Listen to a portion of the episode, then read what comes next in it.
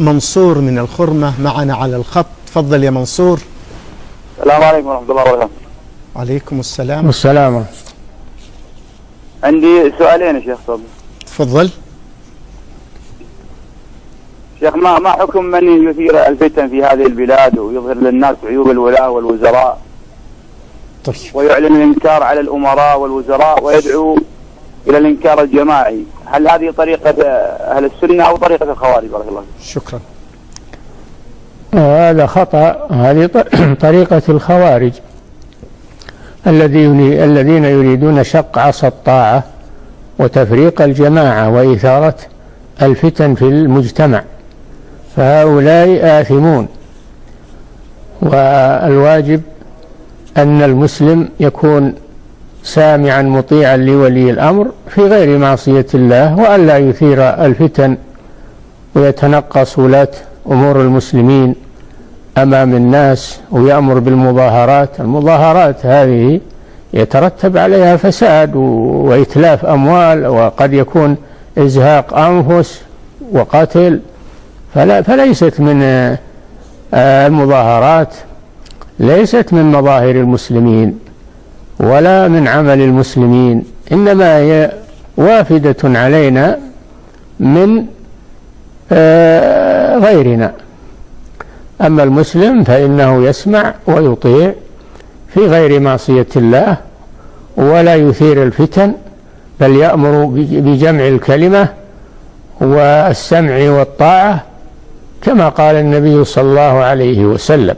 فإنه من يعش منكم فسيرى اختلافا كثيرا فعليكم بسنتي وسنة الخلفاء الراشدين المهديين من بعدي. وقبلها قبل هذا يقول أوصيكم بتقوى الله والسمع والطاعة وإن تأمر عليكم عبد فإنه من يعش منكم فسيرى اختلافا كثيرا. فعليكم بسنتي فالذي يجب هنا هو السمع والطاعة لولاة أمور المسلمين. هذا الشيء الأول. الشيء الثاني أن الخلاف الذي بيننا نعرضه على الكتاب والسنة. فنأخذ من الكتاب والسنة ما عليه الحق ونترك ما خالفهما. نعم. فضيلة الشيخ حدثونا عن فضل اجتماع الكلمة ووحدة الصف والتلاحم والأثر المترتب عليه. نعم جمع الكلمة والتحام الصف بين المسلمين يترتب عليه مصالح عظيمة.